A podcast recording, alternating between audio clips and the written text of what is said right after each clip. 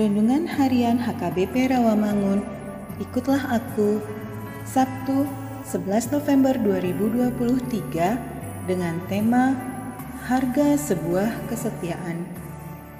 Bacaan kita pada pagi hari ini tertulis dalam Yehezkiel pasal 34 ayat 11 sampai 16. Dan bacaan kita pada malam hari nanti tertulis dalam 2 Korintus pasal 8 ayat 1 sampai 24. Dan kebenaran firman Tuhan yang menjadi ayat renungan kita pada pagi hari ini tertulis dalam Amsal pasal 19 ayat 22 yang berbunyi Sifat yang diinginkan pada seseorang ialah kesetiaannya. Lebih baik orang miskin daripada seorang pembohong. Demikian firman Tuhan. Sahabat, ikutlah aku yang dikasihi Tuhan Yesus. Kesetiaan adalah salah satu dari buah roh. Orang yang hidup menurut daging mustahil hidup setia. Kita semua mendambakan kesetiaan itu dalam setiap dimensi kehidupan, dalam relasi kita dengan orang lain, dalam pekerjaan, dalam tugas tanggung jawab, dan lain-lain. Seorang istri pastilah berdoa agar suaminya setia dan tidak mata keranjang. Seorang suami pasti mendambakan istrinya setia dan tidak pernah selingkuh dalam hidupnya.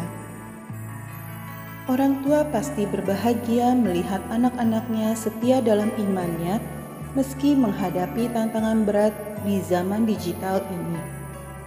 Pejabat yang tidak setia menyandang jabatannya akan menjadikannya bertabur malu dan kecemaran. Seorang karyawan muda, namun setia dan terpercaya, sesungguhnya dialah orang yang sangat bermartabat. Karena itulah sangat ekstrim disebut, lebih baik hidup miskin ketimbang hidup dalam dusta. Tertulis dalam ayat 22b. Betapapun tingginya pangkat dan jabatan seseorang, tetapi kalau mulutnya gemar berdusta, maka pangkat dan jabatan yang dia sandang pun akan menjadi ejekan dan batu sandungan. Pengamsal mengurai kebohongan itu adalah antitesa daripada kesetiaan.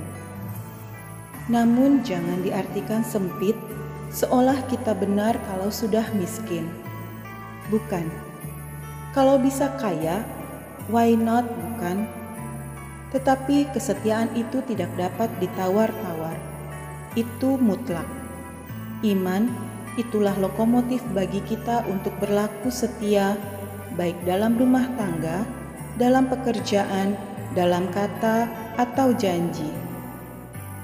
Orang yang gampang ingkar menjadikannya tidak dihargai, tidak kredibel, bahkan akan diabaikan orang. Marilah berlaku setia dalam perkara kecil maupun besar. Amin. Mari kita berdoa. Ya Tuhan, tolonglah aku agar menjadi anakmu yang setia dalam hidup dan pekerjaanku, dalam perkara kecil maupun besar. Jauhkan dan kekanglah lidahku dari hidup yang gemar berbohong. Amin.